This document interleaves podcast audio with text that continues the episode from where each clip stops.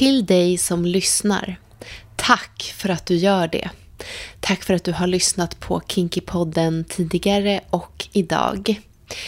Nu har vi kommit fram till det sista avsnittet på säsong 1 av Kinkypodden Och i det här sista avsnittet för säsongen så träffar jag en tidigare RFSU-kollega till mig, nämligen Erik Centervall. Och vi pratar om hans karriär och det han har gjort i sitt yrkesliv. Men vi kommer också in på andra aspekter av att sexualupplysa och möta människor med tankar och idéer om sex, sexualitet och relationer och kanske också identitet. Så luta dig tillbaka och njut av det här avsnittet. Det här är Kinkypodden om sex, sexualitet, BDSM och kinks. Med Aurora Brännström. Bästa kinksters och utlevare, nu är det podcast primetime. Här är Kinkypodden. Mitt namn är Aurora Brännström och eh, idag så sitter vi på plats på RFSU i Stockholm. Och mitt emot mig sitter en vän och tidigare sexualupplysarkollega till mig, nämligen Erik Centervall. Varmt välkommen hit. Tack så mycket. Ja, vad roligt. Det känns så himla fint att få prata med dig äntligen i Kinkypodden. Um, du och jag, vi ledde ju en studiecirkel tillsammans inom ramen då för RFSU. Den här studiecirkeln den hette Sex och samlevnad för vuxna. Och det var himla kul tycker jag. Eh, vi, vi jobbade väldigt fint ihop och så blev vi ju vänner också. Eh, jag tror att vi ledde den kanske i ett par, tre år. Och eh, Sen kom ju pandemin lite grann emellan oss. Eh, men nu har vi liksom fått lov att, att, arbeta tillsammans igen här i en projektgrupp inför RFSU Stockholms 90-årsfirande. Du Erik Centervall, du är ju sexualupplysare med lång erfarenhet av att upplysa på olika sätt. Eh, inte bara det. Du är även författare och skribent och fotograf. Och jag tänker att eh, du får gärna berätta själv också vem, vem du är för lyssnarna och vad du håller på med och har hållit på med. eh, ja, gärna. Jag, eh, det är roligt att träffas. Mm. Och eh, det väcker minnen och eh, mm. från många intressanta samtal vi har haft. Mm. För jag tror vi har haft det gemensamt då att vi ville utforska människors sexualitet och sexuella liv. Mm. Och hur de tänker och hur de upplever kärlek och sexualitet. Mm. Ehm, jag började för länge sedan. Mm. Jag började när jag var kring 1970. Ja. Och eh, det är alltså över 50 år sedan. Mm. Och då började jag jobba med könsrollsfrågor som det hette då. Ja. Och med maskulint, feminint, sådana frågor. Och eh, det var ju en helt, helt annan tid. Det var en mm. tid av grupp 8. Just det.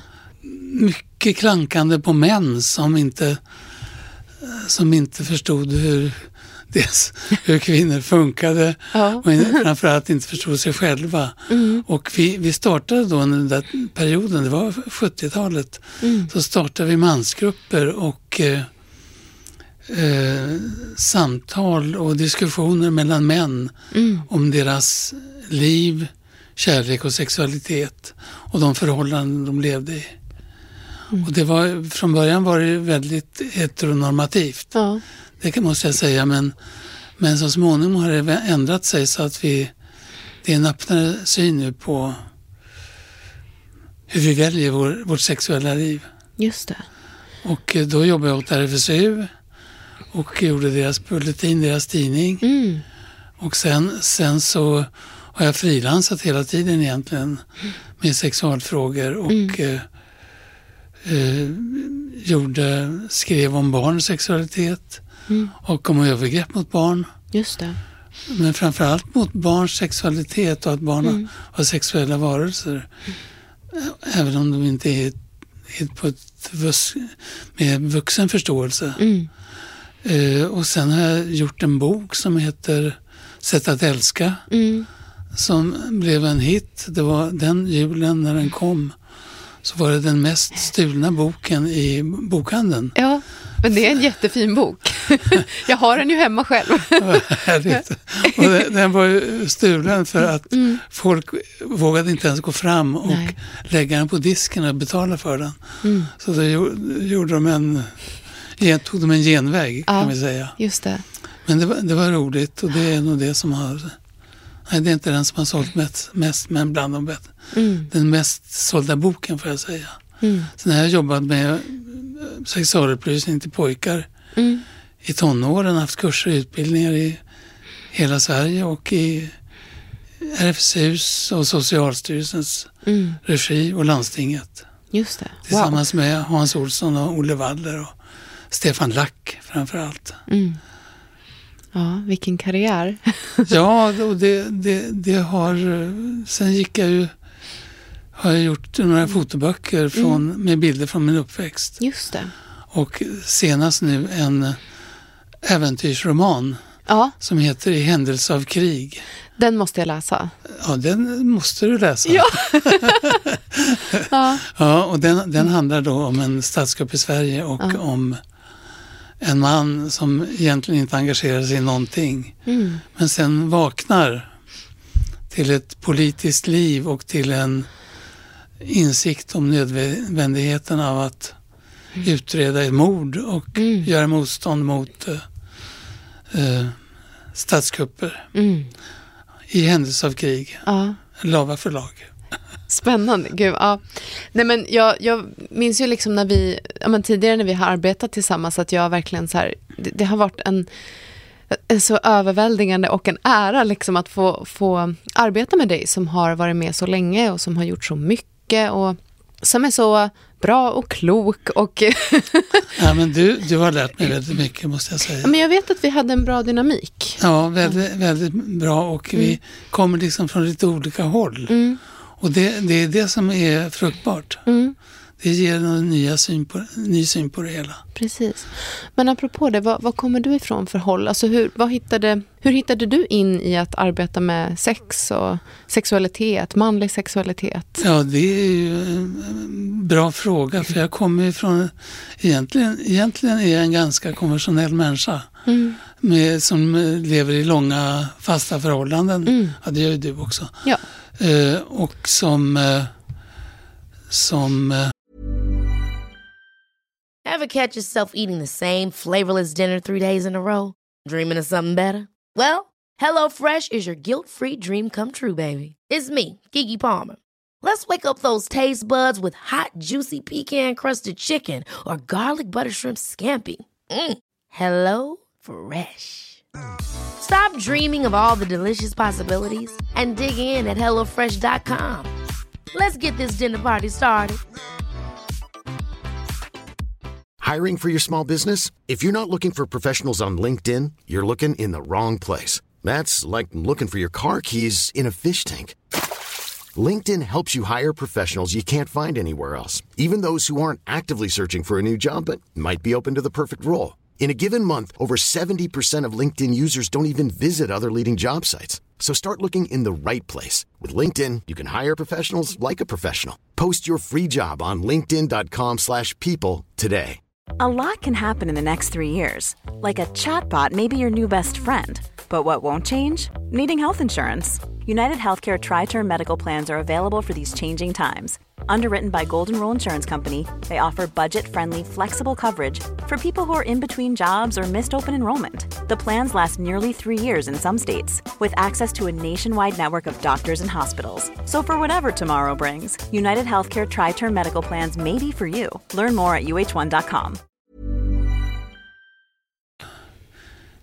Nog som många män är lite ängslig kring sexualiteten och vad, vad jag är ju heterosexuell, så vad hon vill, vad man ska mm. göra och eh, varför. Det, det, är den ena sidan av det hela, mm. hela då. Och jag tror då att det finns, jag har ju liksom förstått med åren, att det finns skillnader mellan män och kvinnor. Ja. Och en stor skillnad är att mannens stånd, som är, blir ett krav på presterande mm. på ett sätt som det kanske inte blir för kvinnor. Och det gör då att han är mer kontrollerande i många relationer. Mm. för att han ska få stånd och kunna genomföra sexet. Mm. Och han kanske är mer, vad man sa för pang på rödbetan. Mm. för att han, och det, och det tycker många kvinnor då är trist. Mm. för att det blir, det blir ensidigt och det blir, det blir penetrationsinriktat. Just det. Och, och, och där tänker jag bara att jag kanske ska fråga för att det, det, nu pratar vi om alltså manligt och kvinnligt. Eh, men har du också arbetat med liksom män och män? Eh, har du liksom, för annars det blir ju ett väldigt så här, heteroperspektiv på mannen i relation till kvinnan. Men ser du de här tendenserna också? Du, som du pratar om nu, liksom kontrollbehovet och det här eh, kravet på ståndet. Nej, och, det nej. är en, där har jag intervjuat och Mm. pratat med många bögar som män som har och de har inte den här problematiken för de är inte så ängsliga kring ståndet och att tappa ståndet eller att få det och, Mm, och så vidare. Så det, det, jag tror det är något väldigt heterosexuellt där. just det. Mm, Det tror jag, är nästan säker på men aldrig riktigt nej. säker eftersom livet är annorlunda. Men det här kontrollbehovet Mm, som män har då, det. det, det kan ju leda då till att han vill kontrollera kvinnan. Mm, det är den ena sidan. Den andra sidan det är att män är väldigt mycket inriktade på kvinnans njutning. Även om kvinnor ofta inte tror det mm, så, så är vi ensidigt inriktade så att vi njuter genom hennes njutning indirekt. mm, Och det, då, det kan verka, då kan män i den situationen verka lite yxiga. mm, För att de, de, de liksom visar så lite själva. mm, Och de, och de, de tänder på hennes njutning, hennes stönande, hennes reaktioner mm, och så vidare. Och, eh, och det speglas då på olika sätt, mm, tycker jag, hos många män jag intervjuat. mm, just det. Ja. ja, men det är väldigt spännande. Alltså jag tänker att det finns ju väldigt mycket där i den heterosexuella kontexten och i den dynamiken. Ja, Ehm, och du, du, eh, nu ska vi se, du började på 70-talet, men du, du pratade med, alltså innan vi satte på rec här, så, så pratade du om 80-talet som en sån tid eh, där det var lite svårt. eh, eller var det då du, du började arbeta mer aktivt med manlig sexualitet? ja alltså det gjorde jag nog redan från början Ja, eftersom det, ja. när män pratar om relationer så blir det Mm. omedelbart om sex eftersom vi, vi har en tendens att fly in i det på något sätt. Ja, Eh, lite känslorädsla tror jag faktiskt Mm. just det. bland män att det finns. Om jag vågar vara, vara generaliserande, vilket man inte ska, inte ska vara för att då får man Mm. mot- motstånd mot någon. mm. Ja, Nej, det, är ju, det är ju svårt att generalisera, men ibland kanske man också vinner lite på det att, att göra det om man ska prata om vissa ja, fenomen. annars, eller så. kommer man ingen vart. Nej, precis. Men du som har hållit på så länge och jag, jag tänker också att du har ju verkat som sexualupplysare och också, ja, men, du har skrivit om sex i olika tider. Det, vårt samhälle utvecklas ju ändå ganska fort. Mm. Det är ju stor skillnad eh, att liksom prata sex eller upplysa om sex idag jämfört med på 80, 90 och 00-talet eller bara för 5-10 år sedan. Liksom. Om man tänker att också pandemin har, har bidragit till någonting. Så om du tittar på det du har varit med om och när du har upplyst och så, vad, vad kan du se för, för trender eller utveckling kring sex och sexualitet, hur man pratar om det? Ja, då må- då måste man ju liksom dela upp det i delar. För till exempel om barn och sexualitet är det ju väldigt svårt att prata idag på ett öppet sätt. Mm. För att eh, kring barn och sex så är det ju bara eh, kring eh, prat kring eh, offer och övergrepp och så vidare. Så Mm. övergrepps prat har ju dominerat väldigt mycket av sexualupplysningen. Mm. Tycker jag, till och från under de här åren. Även när det gäller vuxna sexualitet och Mm. metoo-rörelsen och våldtäkter. Och det, det, det är nog bra att det finns. Det, det, ska ju, det ska ju finnas. Men det finns, man måste ju prata om det andra också. Om relationer som utvecklar varandra, där det händer saker. Eller som min, min, min eh, kvinna sa i början när vi var ihop så var jag väl en tyckmycken liten fjant. Eh, så då, då, då, då sa hon i telefonen varför pratar du bara om sånt som du vet? Varför pratar du inte om det som du inte vet? Eh, Och då, då blev jag lite ställd sådär. Ja, Det var ju så bra sagt. ja verkligen. ja, ja. Och, det, och för då, då liksom pekar hon på något annat. Att det är ett utforskande kring kärlek, kring relationer och att förstå sig själv genom en annan person på ett, på ett nytt sätt. Och det, det satte igång väldigt mycket hos min förståelse av vad sex kan vara och hur, hur kärlek fungerar. Att man ger varandra hela tiden och utvecklas Mm. i en ständig dialog. Mm. Det är många som, när de blir kära till exempel, så berättar de hur fantastiskt det är att de pratar hela nätterna. Mm. Och det, så det är inte bara jag som upplever det som där man pratar hela nätterna och man undersöker varandra, man utforskar varandra och man förstår varandra på ett nytt sätt. Då. Mm. Och, eh, och det, det händer något i relationen där sexualiteten får, får en form så att säga. Och då, därför kan jag börja, har jag börjat prata om det som en, att det är en kreativ handling. Det är någonting som man utvecklar tillsammans och skapar ett nytt som inte var tidigare. Två människor som blir ihop skapar något nytt som ingen av dem kände till tidigare. Mm. Och det kan, gå, det kan gå åt så många håll, Mm. den sexualiteten. Så jag... Och då, sen dras det tillbaka på något sätt i samhället Ja, av så mycket stereotyper och fördomar kring hur sex ska vara. just Och då fastnar man kanske i det. Och, eh, men att upptäcka en ny sexualitet och den kan innehålla eh, SM-moment eller kontroller som man ger upp sig själv och man ger upp, partnern ger upp sig själv eller man själv gör det och då upptäcker man nya saker. Och då är det så att gränserna i förhållande till olika typer av sexualitet som vi har beskriver stereotypt, att de försvinner Just det. och det blir, det blir något nytt man Ja. har ihop. Ja, nej men jag vet inte om du håller med mig, men jag antar det. Men liksom att, jag, jag upplever ju att när man är ute och, och sexualupplyser så förhåller man sig ju till trender. Eller Ja. så här, ja, det, här- det här är de samtalen som pågår nu i vår, vårt samhälle. Ja. Eh, eller i den här tiden. Och då påverkas man ju och tänker sig att sexualitet är på ett visst sätt när vi pratar om det. Ja. Men att sen i relationer, i möten så är det ju någonting annat oftast. Och där, det är ju där det kommer in det här som du pratar om nu, det här utforskandet och Ja.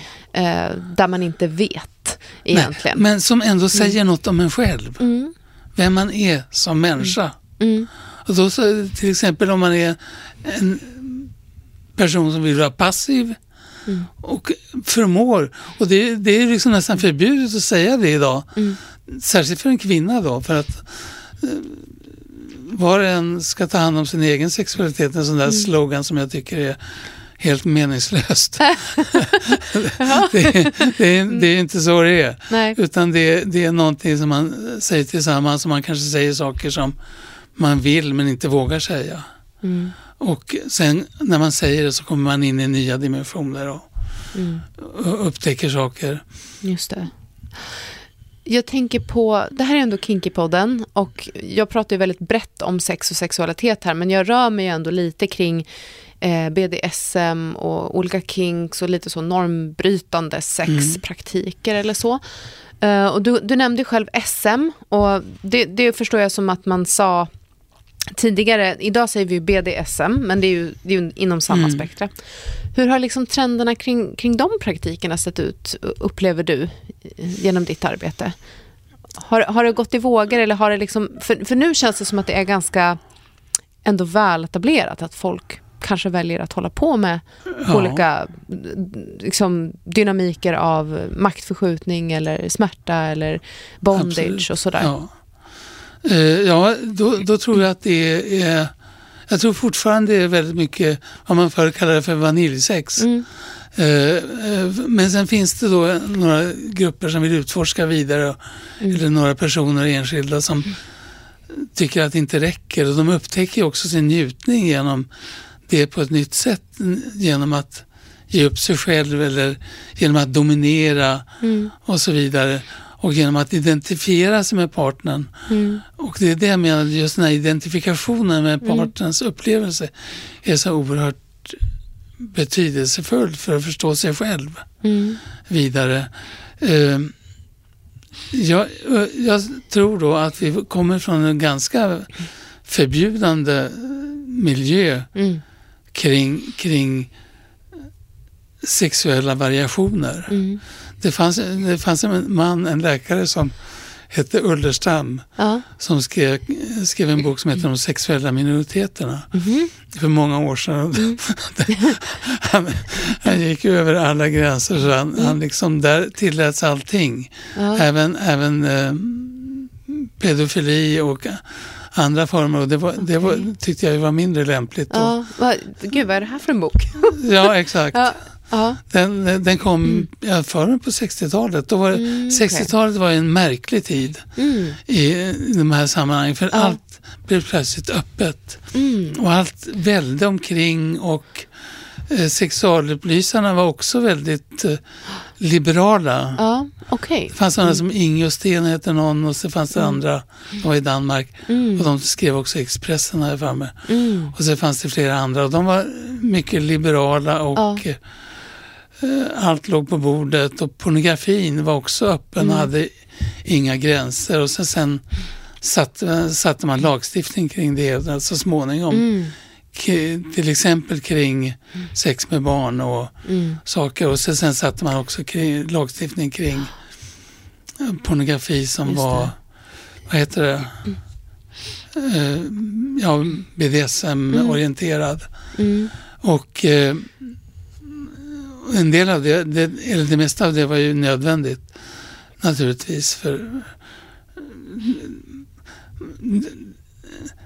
Skildringar som är för öppna tenderar att legitimera handlingar som är, borde vara förbjudna i samhället. Just det. Jag kommer ihåg, jag var i en källarlokal på Sveavägen där de visade film från Danmark Ja. som lite mer eller mindre öppet eh, pläderade för sex med barn Oj. inom familjen. Jaha. Och det, och det, ja, och det, det var ju, det var ju, tog jag mig illa vid mig av för det, det är ju liksom, eh, det finns ju normer som måste ligga fast. Ja. Och och, så det var en tid, det var sånt och sen glömde man bort det. Sen, finns, sen var det något annat som kom upp och sådär. Men jag, jag tycker det är så, ja det är fascinerande det här med hur det har gått i vågor också för att det är ju den här perioden, tänker jag, som har gjort att Sverige och också Norden och Danmark har fått lite av ett rykte av att vara så himla fria i sexualiteten och, och nästan lite på gränsen till eh, perversa, obscena, eh, ja, så här o... Ja, det är från 60-talet Ja, som det precis. kommer. Det är det. Mm.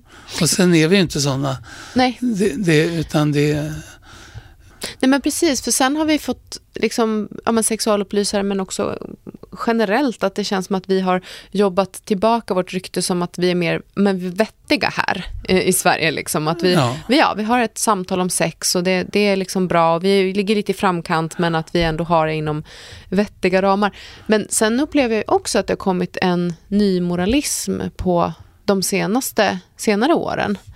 Eh, ja, det upplever jag också. Ja.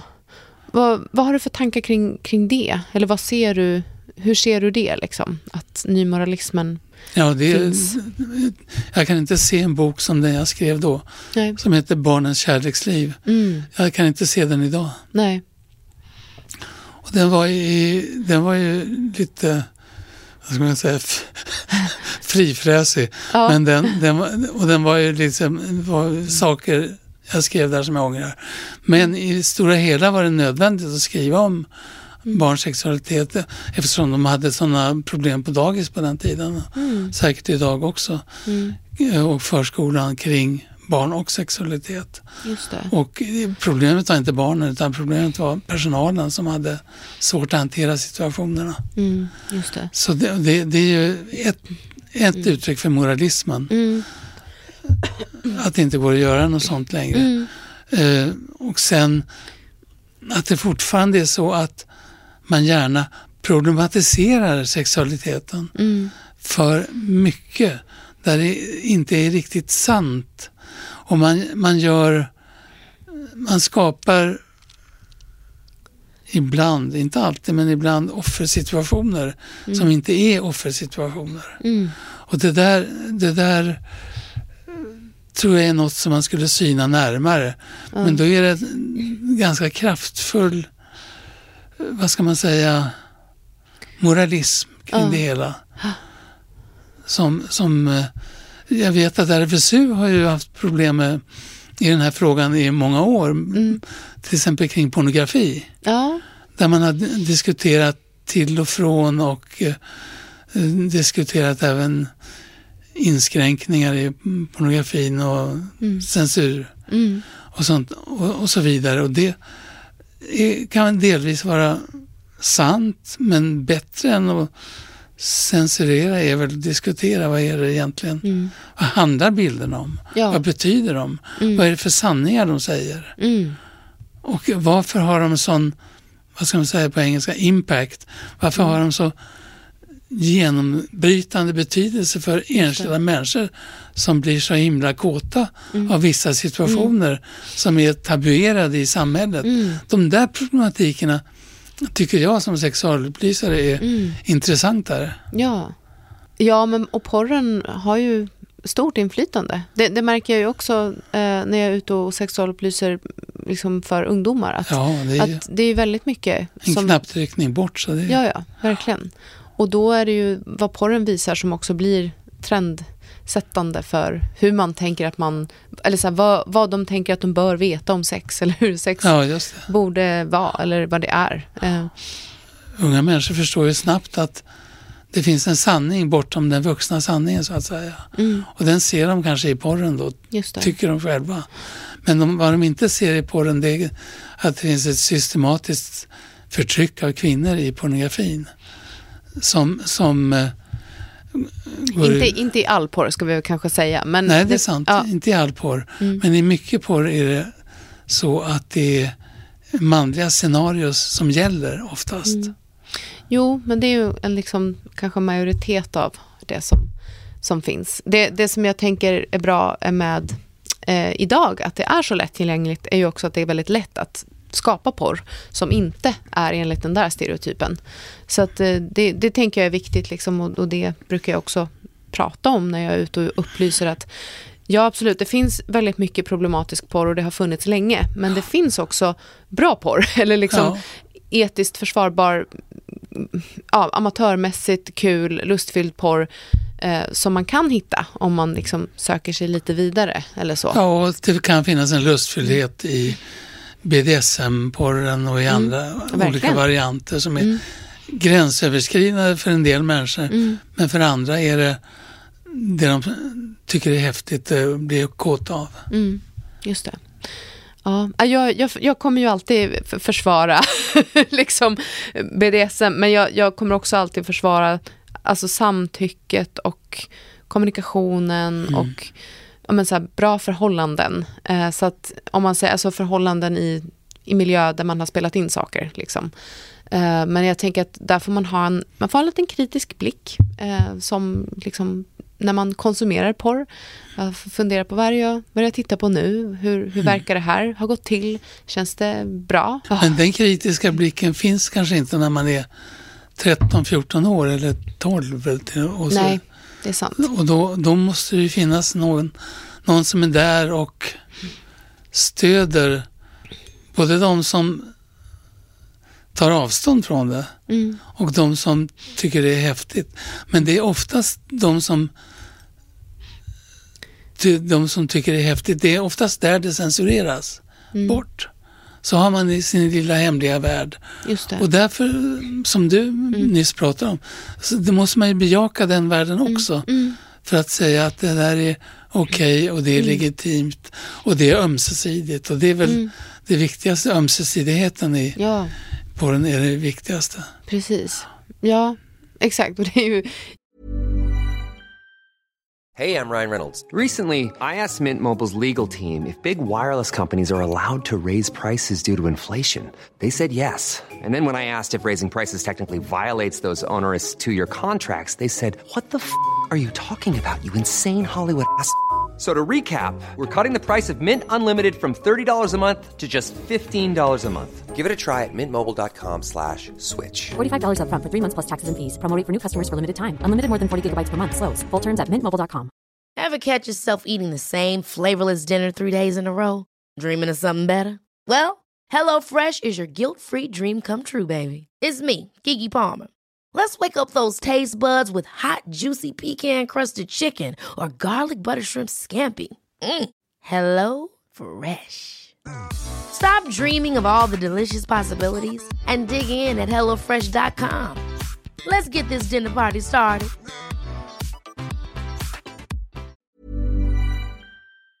i, i verkliga livet också, ömsesidigheten, Mm. tänker jag. Oavsett vad man väljer att ägna sig åt. Om man vill vara i relationer där man är exklusiva med varandra eller om man vill leva öppet med flera partners eller om man vill hålla på med BDSM så Ja, och landar det ju alltid där ändå. Det är där RFSU ändå har en uppgift som jag tycker Mm. är väldigt positivt. Att till skillnad mot förr, även i RFSU, så bejakas eh, sexuella variationer mycket mer Mm. nu. Om man är polyamorös eller om man har eh, speciella behov.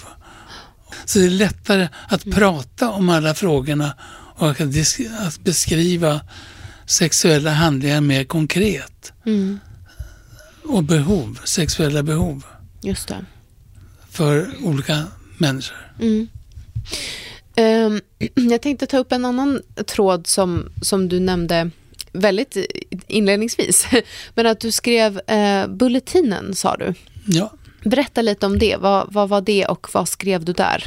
den startade, det var precis det jag kom till RFSU för. Mm. För jag, jag skrev ett brev till RFSU för jag tyckte, jag, jag tyckte de verkade bra, jag kunde jobba för dem. Mm. Och då skrev jag ett brev och sen ringde jag efter ett par veckor och kollade om de hade fått det och om de Ja. reagerat på det. Ja, det var ju ett väldigt intressant brev. Men du glömde skriva under det. Oj då. Vilken tur att du ringde. så, så, men, men eh, kan du inte komma upp så kan vi prata om det. Och då jobbade jag med en annan person, Ingrid Strömdahl. Så vi gick dit och, och eh, började göra bulletinen för det var det de ville ha. Deras tidning och den var maskinskriven. Det var två sekreterare som skrev ut det, numren och sådär. Och det första numret, det var exakt i samband med abortfrågan och att vi skulle få fri abort för kvinnor. Okej. Ja. Och då, då, då, första numret handlar om det. Mm. Att man måste, måste få välja. Mm. Och det var, så det måste ha varit 1975 kring. Mm. För då kom ju abortlagen, Just det. Mm. den nya. Och så sen jobbade jag efter det med det man kallar abortför, då kallade abortförebyggande arbete. Mhm. Mm. Och det gjorde jag också för Socialstyrelsen på Gotland. Ja. Abortförebyggande arbete, vad innebär det? Ja, man ville att få ner antalet aborter. för man var rädd att det skulle bli sån eh, hås när det gäller abortfrågor, Jaha. aborter i Sverige. Okej. Och då måste man, eftersom abort i sig ansågs som ändå inte så bra för människan, så ville man ha, ha då förebyggande arbete. Mm. Och då, det var Gotlandsprojektet heter det. Okej. Ja. Och där var jag med och hade mansgrupper Ja. då. Ja. alltså det var så roligt på den tiden. Ja. För det var så naivt och utforskande. Mhm, naivt, varför då? Eller på vilket sätt? Jo, men det var sådär en man som bara... Det var en manskurs vi hade där. Mm. Och så sen sig upp. Ja, jag tycker kvinnor är fantastiska och jag älskar dem alla, skrek, han. Ja. det var, var en sorts Mm. väldig befrielse då. För, ja, visst. Ja. Det, det, var, liksom en sanning om vad heterosexuella män då upple- som de upplever kvinnor. Mm. Och det, det, det gick ju till andra kurser jag hade där man Mm. också, också kunde prata om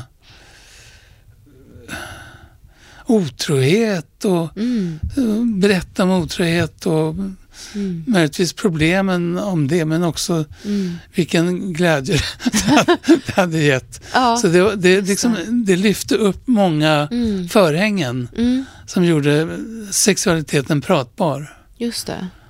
Och detta var då på 70-80-talet. Ja. 80-talet var ju en hås tycker jag när det gäller sånt. Och sen, Mm. sen och då var det kurser och utbildningar också kring sex. Mm. Och eh, kring maskulin sexualitet som man pratade om. Just det. Ja, det känns som att det har det, det liksom varit ett tema för dig i ditt arbete. Ja, det har det. Och, Ja. och befria män från, Mm. Från eh, till ordet Mm. kan vi säga då. Att, till att prata om det. Just det. Det var, det var någonting som jag gjorde i många år. Ja, och, och du har ju nämnt det lite, men du, du intervjuade andra män och du hade också samtal i grupp med män, eller hur såg det här arbetet Absolut, ut? och vi ja, hade ju våra kurser då som med RFSU Mm. och Socialstyrelsen och landstinget. Och det var då Olle Waller, Hans Mm. Olsson, Stefan Lack och jag Mm. Som drev de kurserna och drog in folk. Och Mm. Sen var det kurser på olika andra håll i Sverige. Mm. Och det handlade om, även när kvinnor var med, det hade, fick vi efter ett tag, så Mm. var både män och kvinnor med. Ja. Då handlar det om ja, pornografi som vi har pratat om nu, Ja. hur man upplever det och kring eh, förhållanden, otrohet, att prata med unga män Mm. om sexualitet och det var ju Mm. viktigt. Och då startade också RFSU sin eh, klinik för män Mm. och pojk, unga män som hade, ville ha sexualrådgivning. Ja. Och det var, det var ju också någonting att det var specifik tid för dem. Ja. För att annars såg män av traditionen sexualupplysning som en kvinnlig åkomma, jag på att säga. Mm. En kvinnlig, en kvinnlig, det skulle de lära sig av, men de, de slapp undan liksom. Ja. Och, eh, Men, men, ja. hmm. ja, men för så är det ju på något sätt lite grann fortfarande. Att om man ska generalisera så, så är det ju fler kvinnor som, som engagerar sig och som Absolut. arbetar med de här frågorna. ja. Eh, sen, Särskilt i RFSU tycker jag. Ja, men så är det, så är det ju. Sen, sen har vi ju ett annat... Jag skulle säga liksom att vi pratar ju inte riktigt om eh, kön eller manligt och kvinnligt eh, på det sättet längre, eh, liksom jämfört med då. Eh, men det är ju fortfarande aktuellt och, och vi ser ju eh, liksom svart på vitt att eh, men, vi som jobbar på RFSU, vi är ju de flesta cis-kvinnor liksom, eller transpersoner. Ja. Men det är ju väldigt, alltså det är, det är en sån eh, ojämn eh, balans där. Ja. Sen finns det ju män också nu som arbetar, liksom, men, men att det absolut är synligt. Därför om du säger så så tror jag det är fortfarande nödvändigt Mm. att ha speciella tider, speciella forum där män uttrycker sig. Och Mm. Ja. nu finns det liksom allmänna forum Mm. på nätet och så vidare där män nu hörde jag på att säga gnäller Ja. för att de inte får någon tjej Ja. och sånt. Men, men, Mm. men Precis, ja, men hela den här incelkulturen ja, också... den blir ju jättekonstig i det här Ja. sammanhanget. För att det, det är inte heller de flesta män som yttrar sig där utan det är vissa grupper då som Mm. känner sig bortsorterade eller nedtryckta eller Mm. att de har någon rätt Mm. till sex då som ju ingen människa har egentligen. Nej. Mm. Nej, men eh, och där är jag liksom helt med på att jag tror att det här skulle behövas lyftas upp igen och liksom börja jobbas med lite mer Jag på tror riktigt. det faktiskt. Ja, Ja.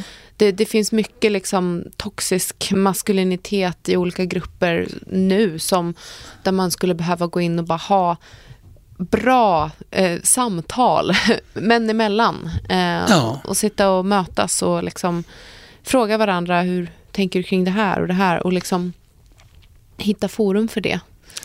Ja, och det, det är också för, för kvinnors skull och för bögars skull och för alla skull att Ja, ja. inte befästa sexualiteten i vissa, vissa sätt att vara. Mm. Det tror jag. Så det, det skulle vara jättebra. Jag vet att det finns lite mansgrupper som är på gång Mm, mm. fortfarande och det, är, det finns ju en rådgivning för män fortfarande. Ja. Då, och det, det är ju bra. De har väl, jag tror de har nästan 50 procent av männen som kommer dit har en våldsproblematik med sig Just det. in som de, som då de kan diskutera där och jobba med. Mm. Och det kan man göra i grupp också naturligtvis. Mm. Så det, det Jätteviktigt. ja, bekräfta sexualiteten Mm. och ifrågasätta om den går ut över en annan Mm. Eller andra personer. Precis, för om, om vi håller oss kvar lite där, hur, hur tänker du kring liksom, eh, så kallad då manlig sexualitet och våld till exempel? Hur, hur hänger det ihop? Jag tänker Ja, att... det, ja, ja, det, det där är ju svårt. ja. Eller hur? Eh, För att det, våld kan ju ingå i en relation Mm. Men vara accepterat av båda som en del av det hela.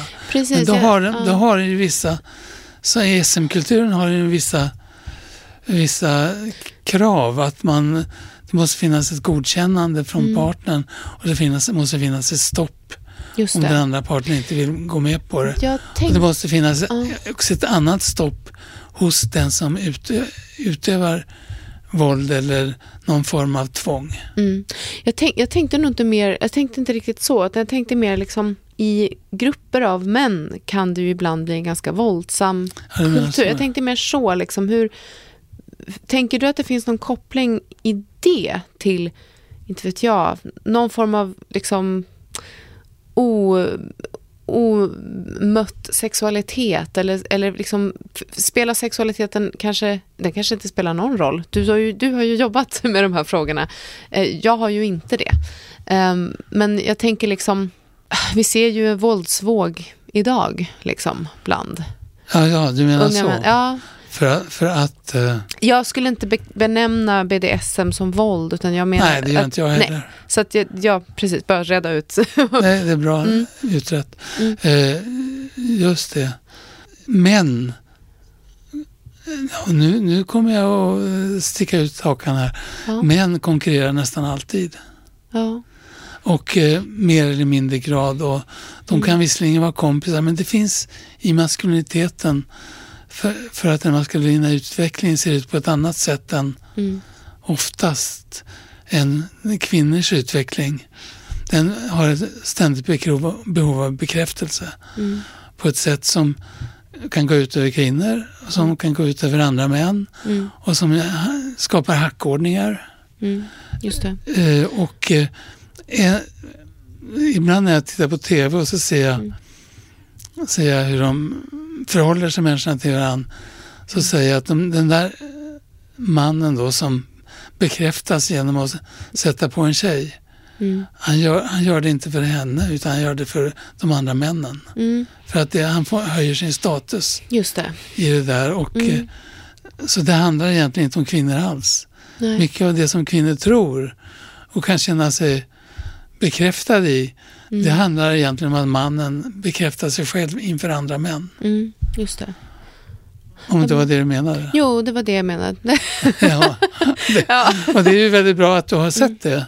Mm. För det, det är ju oerhört tydligt Mm. för mig när jag väl kom på det. Mm. Nej, men jag, jag, precis. Nej, men jag har tänkt att, eller jag tänker att, att sexualiteten eh, sätter oss i situationer i övriga livet Mm. och eh, gör att vi, vi tar beslut eller vi, vi liksom rangordnar oss emellan varandra eh, i, i andra... Ständigt. Ja, ständigt. Ja. Det tycker jag finns liksom generellt också bland kvinnor, för att kanske på andra sätt Ja. det finns annan eh, avundsjuka eller rivalitet eller vad Alltså det det kan vara. Men, mm. det här är någonting som vi verkligen skulle behöva utforska tycker jag. mm, Och, och analysera bilder, analysera filmer, Mm. analysera vår egen beteende i förhållande till omgivningen. Hur vi söker sådana här bekräftelser. mm, Och jag, eh, även bland oss som var till synes medvetna, mm. så fanns det väldigt mycket sådana här eh, det. som jobbade, jobbade på hela tiden Mm, och som vore väldigt bra att kunna benämna. mm, Så då, för då kanske man lägger av med det värsta och det som Mm. är destruktivt för till exempel, till exempel att få en kvinna till någonting i heterosexuell relation. mm, Att få en kvinna till någonting som hon inte vill. mm. Det kan innehålla en bekräftelse inför vissa andra män. Just det. Och det är, apropå metoo då, Mm, det, det har ju en baksida då mm, som nog skapat en hel del av metoo-rörelsen i sin tur. just det. När kvinnor Mm. har kommit på det här och ser att det där gjorde han ju egentligen inte för, ja, för sig själv men för någon Mm. annan också kanske. Just det. Mm. Ja, men, eh, tack för att du ville haka på min, mitt spår här. Ja, Du- du har rätt. Ja, men du får också säga om jag, liksom, om jag har fel eller om jag... Nej, jag tycker det. Ja. Jag har tänkt på det väldigt ofta. Mm, Men, men det är ju jättesvårt att gå ut med och benämna det. mm. Jag vet fan hur vi ska göra alltså. Nej. Nej, det finns jobb att göra om man Ja. säger så. Ja.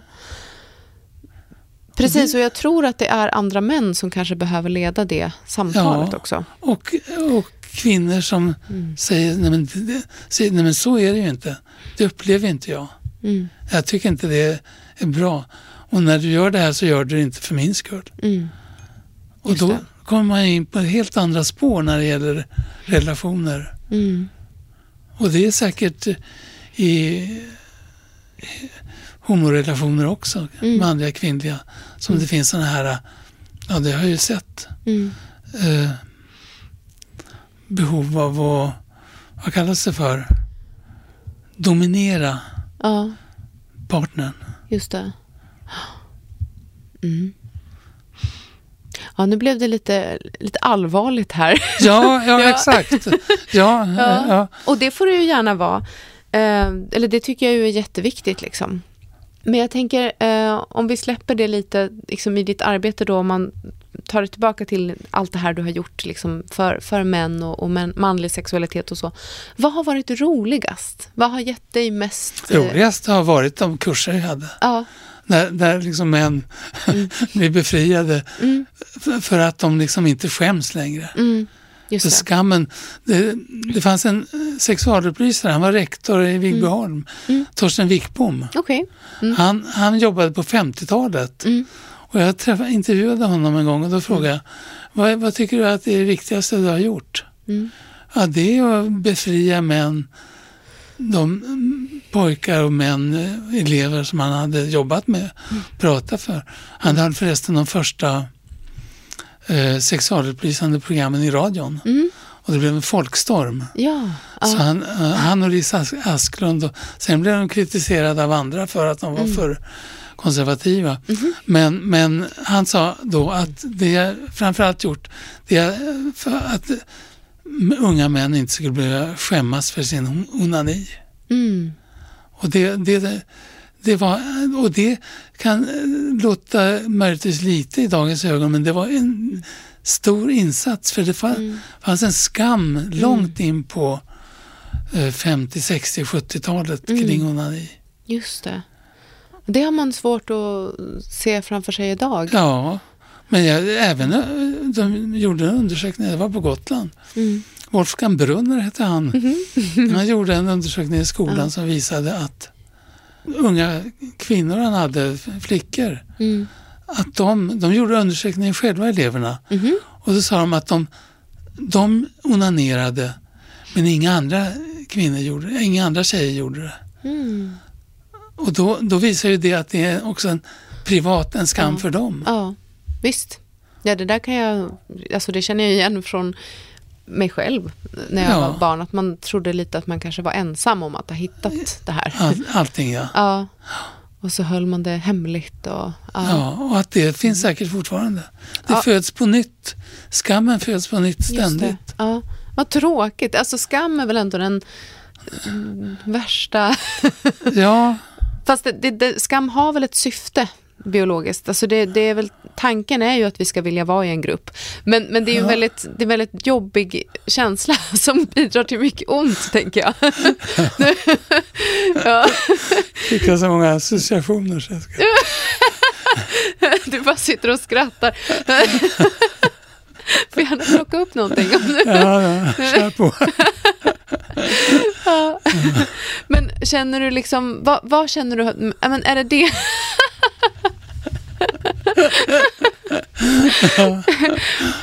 när, när du har jobbat med män, var, var, var har du fått mest liksom hopp för framtiden? Ja, just nu fick jag det för att vi blev lite förlösta du och jag. här. När vi pratade om Ja. det där. Det är bra, gud. Ja, Men det visar ju hur bra det är med att prata om sex. visst är Man, det? man förlöser sig ju Ja, ja. hela tiden. Vad var det du frågade om? Eh, Nej, men, du svarade på min fråga. Jag, jag undrade Ja. liksom så här, men var, var har du fått mest hopp i, i de här Ja, ja. samtalen med män? Och känt att så här, men wow, yes, bra. Eh, nu har vi kommit någonstans.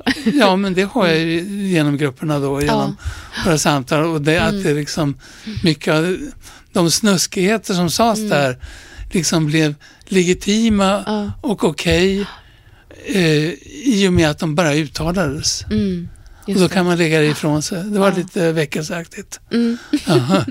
Ja, men det, det kan jag också uppleva i det lilla faktiskt när jag är Ja. ute i skolor eller man pratar med eh, föräldrar eller lärare som jag också har börjat göra nu. Att, ehm, just det här när de får sätta ord på det och märker att ja, men det gick bra att säga det här. Ja. Åh, det blir som en lättnad i kroppen Ja. och bara, oh, oh gud vad skönt. Och det är ju resultatet av eh, Ja, sexualupplysning. Det är det viktigaste, mm, tror jag. ja, Det där att det går att säga. just Och det. det kan vara en som sitter tyst hela tiden. Mm, Och så sen så säger man någonting så ja, får den bekräftelse. Så Mm. kanske den säger något själv och det blir den bekräftad i sig själv. Det är ju jättebra. verkligen. Ja, ja, och det är något stärkande och alltså helt magiskt. Man märker också så här bland ungdomar att, eh, och vuxna när de ser att så här, åh, nej men någon annan hade ju tänkt på det här som Mm. jag trodde jag var ensam att tänka. Hade, när jag var ute förr så hade jag en övning som hette Hemligheternas hav. Och där tecknade jag, skrev jag upp alla hemligheter folk kan ha kring sexuella frågor, kring kärlek. Ja. Också eh, i gruppen så att alla fick bidra. och Så. Ah, Så där. Och sen kunde man gå igenom och prata om olika delar av det hela. Okej. Göra stor inventering av Aha, hemligheterna och det är ju för att befria dem. mm, just det. Skrev de upp då? Då skrev jag upp och så Ja. sen sa folk olika hemligheter som kan finnas. Mm. Behöver de inte vara personliga men de kan ju få vara det om de vill. Just det. Och så, sen såg man vad som, man, vad, vad som är destruktivt, vad, man måste Mm. prata, jobba med eller benämna Mm, för att gå vidare. just det. Ja. Det, det handlade väldigt mycket om kurserna om överhuvudtaget. Mm, Om hemligheter. just det. Vad spännande. Ja. Ja, eh, vi börjar tyvärr eh, närma oss slutet på det här Ja. samtalet om vi ska hålla oss inom tidsramen. eh, är det någonting som du känner att du skulle vilja ta upp som vi har missat eller som Ja, vi... gamla människor. gamla människor? Då tar vi det. är, det är det en skillnad tycker du? Ja, det, det är där. ja. De gjorde en undersökning för många år sedan som visade att där finns det tystnader. Och Mm. där finns det, finns det sånt som man inte vill tala om. Och Mm. Jag har ju varit ute några gånger och jag ska ut igen och prata kring sex och kärlek på äldre dagar. Mm. Och då, då är det är mycket problem, det kan det ju vara. Men det är också mycket, många som kan ha ett sexuellt liv. Mm. Långt upp i åren. Men det kanske inte ser likadant ut. Nej. Det kanske har en annan andra handlingar och det kanske när det gör ont och i slidan till exempel så kanske man inte, då kanske man lägger av. Men man kanske inte behöver lägga av. Man kanske Nej. prövar på annat sätt och, Mm. och eh, jag är Mom deserves the best, and there's no better place to shop for Mother's Day than Whole Foods Market. They're your destination for unbeatable savings, from premium gifts to show-stopping flowers and irresistible desserts. Start by saving 33% with Prime on all body care and candles. Then get a 15-stem bunch of tulips for just $9.99 each with Prime. Round out Mom's menu with festive rosé, irresistible berry chantilly cake, and more special treats. Come celebrate Mother's Day at Whole Foods Market. Ever catch yourself eating the same flavorless dinner three days in a row? Dreaming of something better? Well, HelloFresh is your guilt-free dream come true, baby. It's me, Kiki Palmer. Let's wake up those taste buds with hot, juicy pecan-crusted chicken or garlic butter shrimp scampi. Mm. Hello Fresh. Stop dreaming of all the delicious possibilities and dig in at HelloFresh.com. Let's get this dinner party started. Planning for your next trip? Elevate your travel style with Quince. Quince has all the jet setting essentials you'll want for your next getaway, like European linen, premium luggage options, buttery soft Italian leather bags, and so much more. And is all priced at 50 to 80% less than similar brands. Plus, Quince only works with factories that use safe and ethical manufacturing practices. Pack your bags with high-quality essentials you'll be wearing for vacations to come with Quince. Go to quince.com slash pack for free shipping and 365-day returns. Vä väldigt tolererande kring sex i allmänhet och särskilt kring äldre, äldre människors sexualitet. Och för jag vet ju att det, man hittar andra vägar och ofta liksom de, de tycker det är skamligt att inte kunna funka precis som man gjorde för 40 år sedan. Det. Men det kanske inte går alltid, det kanske inte funkar.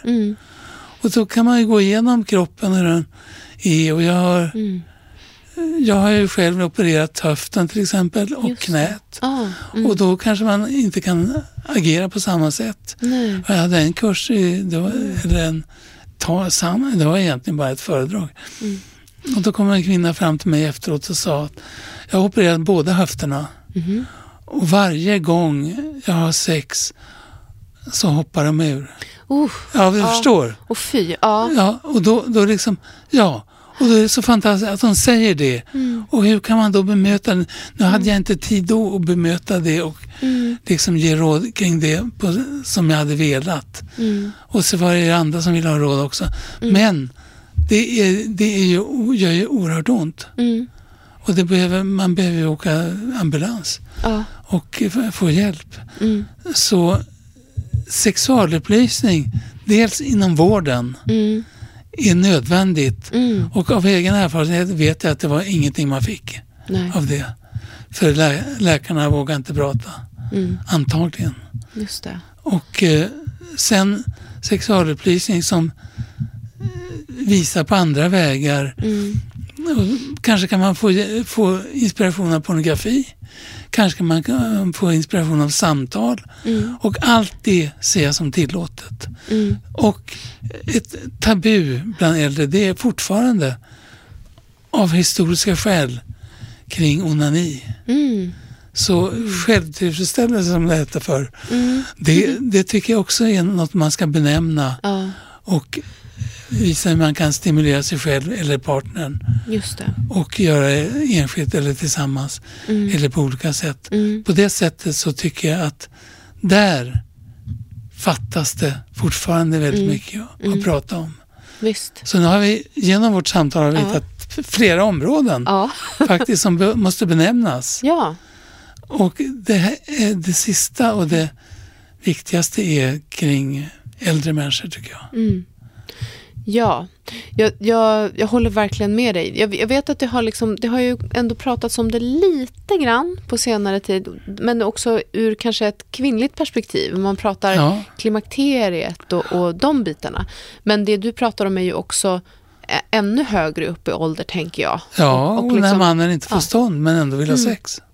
Just det. Och när slemhinnor är torra och när alltså, man har gjort någon operation eller man... När det gör ont helt enkelt. Inte bara torrhet utan Nej. de är för sköra. Mm, Så det gör ont. Det går inte att ha sex. Men går, finns det andra vägar då? just det. Ta på varann, Ja, stimulera varann. visst. Ja, det där är ju ja, det är jätteviktigt. Uh, att, att man pratar om det också. Ja, för att vi, så pratar ju jag med ungdomar. Så här, det finns ju jättemånga olika sätt ja. att ha sex. Så det behöver inte vara penetration, utan man kan ju ta på varandra, man kan smeka och så här. Och det är ju ett snack man också skulle lätt kunna plocka upp i ålder, Absolut. Ja. med exempel då med... Mm. Eh, jag är ju ingen, ingen medicinsk expert, men det finns ju väldigt många varianter där som man skulle mm. kunna benämna också. Mm. Ha med någon medicinare inom mm. det området också. Men jag tror inte det har gjorts. Jag tror inte jag har sett det. Nej. Nu gav du mig väldigt många eh, tankar och eh, idéer för framtida avsnitt här också. Bra. Ska utforska mer. ja, nej men eh, jag tror att vi måste avrunda där, men tusen tack för att du ville gästa mig i Kinkypodden, Erik Centervall. Eh, har du något tips och råd till mina lyssnare utifrån vårt samtal? Uh, jag har en känsla att jag är så töntig så jag har en känsla att alla andra vet mer än jag. Kring. Man har olika ingångar. Men ja, det... men, men jag, tror, jag tror att, de ska, att man ska följa sina vägar. Om det är ömsesidigt, om det är pratbart, i alla fall delvis. Mm. Om, man, om man är försiktig med varann men ändå inte vill vara det. Mm. Tror jag man hittar vägar där. Mm. Fint. Ja. ja. ja. Tack så mycket. tack snälla och tack till dig som har lyssnat också. Eh, glöm inte att Kinkypodden har en Patreon och stötta mig gärna där. Det är www.patreon.com kinkypodden. Älskade Kingsters och utlevare, håll ut. Vi hörs snart igen.